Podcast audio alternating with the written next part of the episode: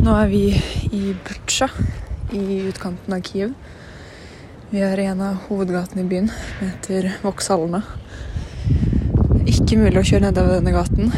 Det ligger vrakgresser nedover hele. Vi har talt i hvert fall åtte tanks som er sprengt i hjel.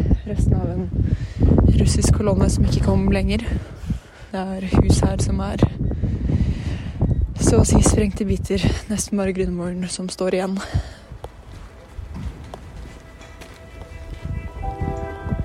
Vi trodde vi hadde sett krigens grusomheter i øyet, med flyangrep og millioner av splittede familier på flukt. Bombing av fødestuer, skoler og hjem. Men det var før Butsja. Med bildene av lik i gatene fikk vi se krigen i Ukraina med nye øyne. I denne episoden har vår journalist Gina Grieg Risnes reist til Butsja. Hun har møtt mennesker som har vært utsatt for seksuelle overgrep, tortur og vold. Noen av de historiene vil du høre her Forklart. Det er torsdag 7. april, og jeg heter Synne Søhol.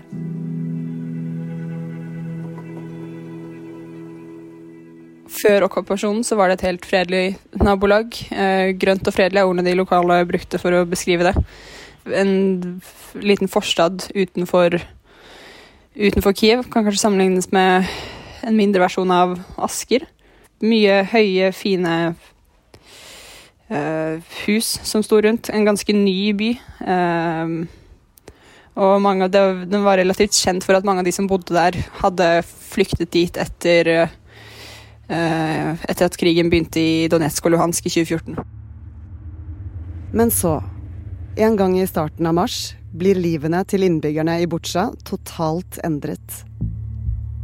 Da russiske styrker var på vei for å erobre Kiev, ble forstaden Butsja åsted for harde kamper.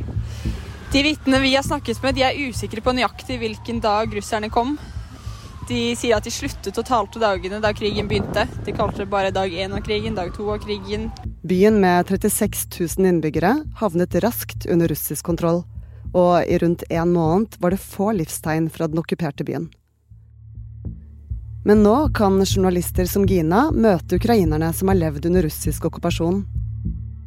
De sier at soldatene kom i flere puljer, at de første var rolige, men så kom det nye grupper. Og da begynte det å gå skikkelig galt. De som hadde satt opp base, de eh, drakk seg fulle. Noen mente at de, var, at de ruset seg. De eh, begynte å leke med bilene sine når, når de gikk tom for bensin. Eh, deres definisjon av å leke med bilene var å kjøre stridsvogner over dem og, og skyte på dem. Og tagge dem med, med sine russiske symboler. Another one told her, "Tell me everything. You, uh, you know everything." And uh, he started shooting over the shoulders. Over the Veronica og Alina er mor og datter. De forteller Gina og tolken at huset deres ble en slags base for de russiske soldatene.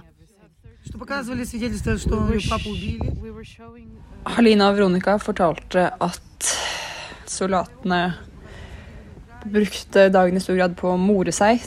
Drakk seg fulle, de skjøt vilt rundt seg, de viste dem naboer de hadde drept. Så voldtok de Veronica gjentatte ganger.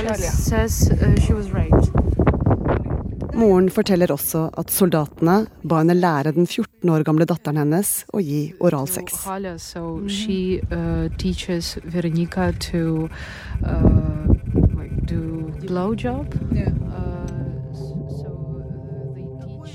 Historier som dette har det kommet flere og flere av i dagene siden russiske soldater forlot Butsja. Og nå begynner verden å bli skikkelig forbanna.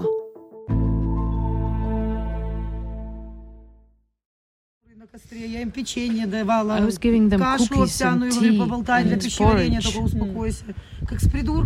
So I was talking to them like with kids or like with crazy people. Veronica og Alina var vennlige mot soldatene. De lyttet og snakket med dem og serverte dem mat.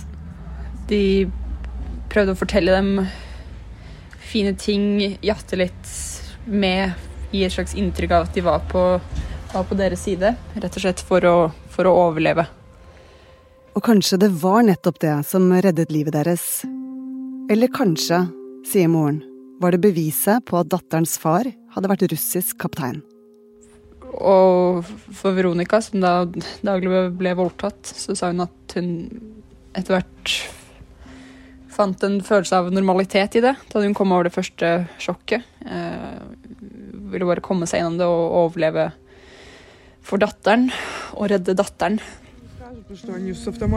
No one could say anything because they have the guns. Mor og datter sa at de russiske soldatene stadig gikk rundt i en slags euforisk tilstand. Eh, og mente at de hadde ruset seg.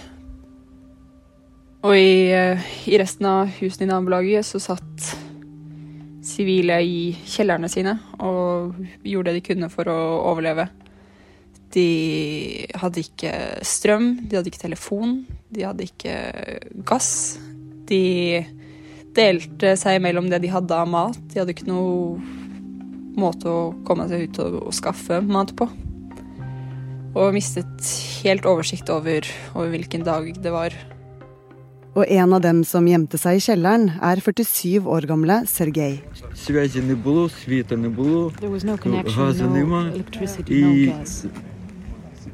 Телефони питалися перевіряти, але як світа не було, телефони були розряджені і вони не читав. We had a little radio and we just stopped mm. counting the dates because uh, at first it was the first day of the war, the second day of the war, but then... дати даже ніхто не пам'ятає, так просто... Sergejs mor bodde flere kvartaler unna, og han forteller at han snek seg ut fra kjelleren for å fortelle henne at han var i live. Uh, actually, my mom lives, lives not far from here on mm. Tarasevska Street, okay. and I was, uh, I even managed to go to her and come mm. back. But then the second group said that if I start, if I keep walking, they will uh, kill me. Mm. Da vi møtte Sergej, så sto han utenfor huset til en nabo. Der var det også kriminalpoliti som uh, var i ferd med å hente ut et uh, lik en død mann. Vi vet ikke hvor lenge han hadde ligget der, men uh, de viste uh, halsen hans, hvor det var tegn til at det hadde gått en, uh, en kule gjennom. så kjørte likbilen videre. Da lå det allerede minst åtte, åtte lik i bilen. Det var den fjerde kroppen vi så likbilen hente ut fra fra halvbombede hus og hager og vrakrester.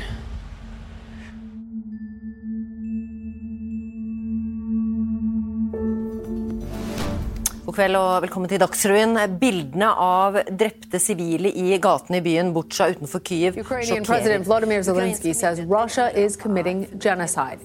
Images from the town of Bucha near the capital show at least 20 civilians lying Each scene a grim snapshot of the chaos and violence of their final moments. Russland anklages nå for krigsforbrytelser i Ukraina. Over 400 drepte er funnet i byer og bygder rundt Kyiv, både gatelangs og i massegraver. Mange av dem i byen Butsja.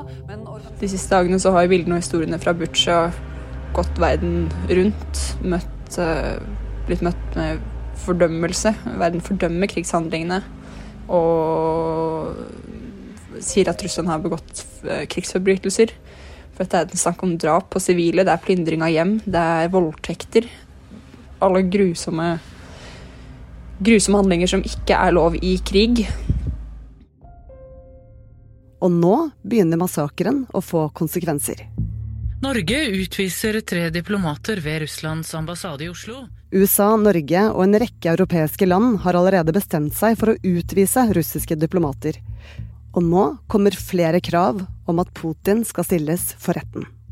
Russiske myndigheter mener på sin side at dette er fake news. Eh, de holder masse talkshows med ulike gjester og debatter i gåseøyne, eh, hvor de sier på statlig russisk TV eh, at det er Ukraina og Vesten som vil sverte Russland. Og disse bildene og videoene av, av sivile som ligger døde i gatene med hendene bundet bak på ryggen. Det er bare, bare fake news. И у меня семейные истории, у меня род, родственники неонацистов. В Мариуполе в районе металлургического комбината «Азовсталь» тяжелая техника. Russiske myndigheter mener at bildene og videoklippene fra gatene i Butsja er falske. På statlig russisk TV blir det sagt at ukrainere har manipulert videoene i rekordfart, og at det er skuespillere som ligger på gaten. De sier man kan se at kroppene rører på seg.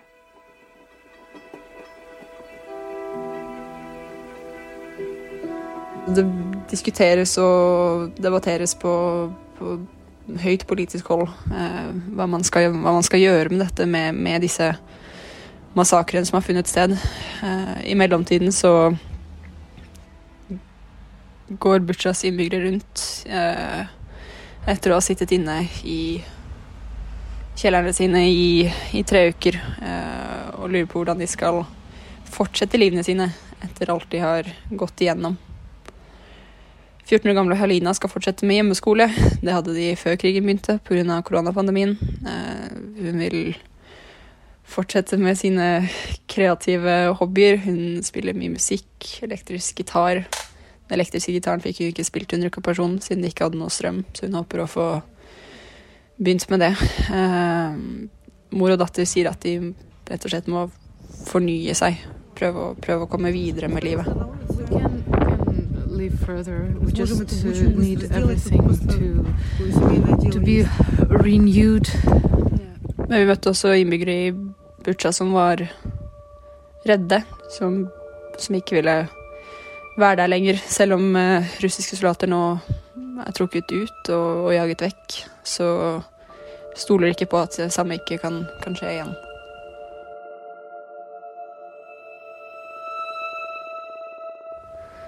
Men det var viktig for dem å fortelle hva som har skjedd, og fortelle hva de har vært igjennom. Det samme sa, sa 47 år gamle Sergej. Han vil bli værende i huset sitt og fortsette livet sitt. Men både Halina, Veronica, Sergej De bor i et nabolag hvor flere av husene er bombet, hvor inngangsdører er pepret med, med kulehull. Eh, og hvor flere av husene rett og slett nå står tomme fordi de som bodde der for litt over en måned siden, de er nå skutt og drept.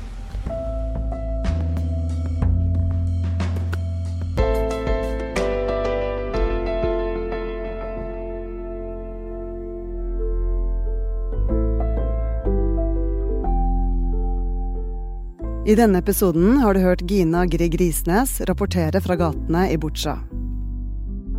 Det er produsent Anne Lindholm og jeg, Synne Søhol, som har laget denne episoden.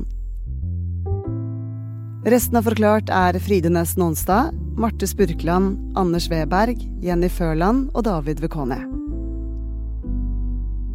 Lyden du hørte, er hentet fra NRK, Al Jazeera, CBS News og fra den russiske TV-kanalen Rossia 1.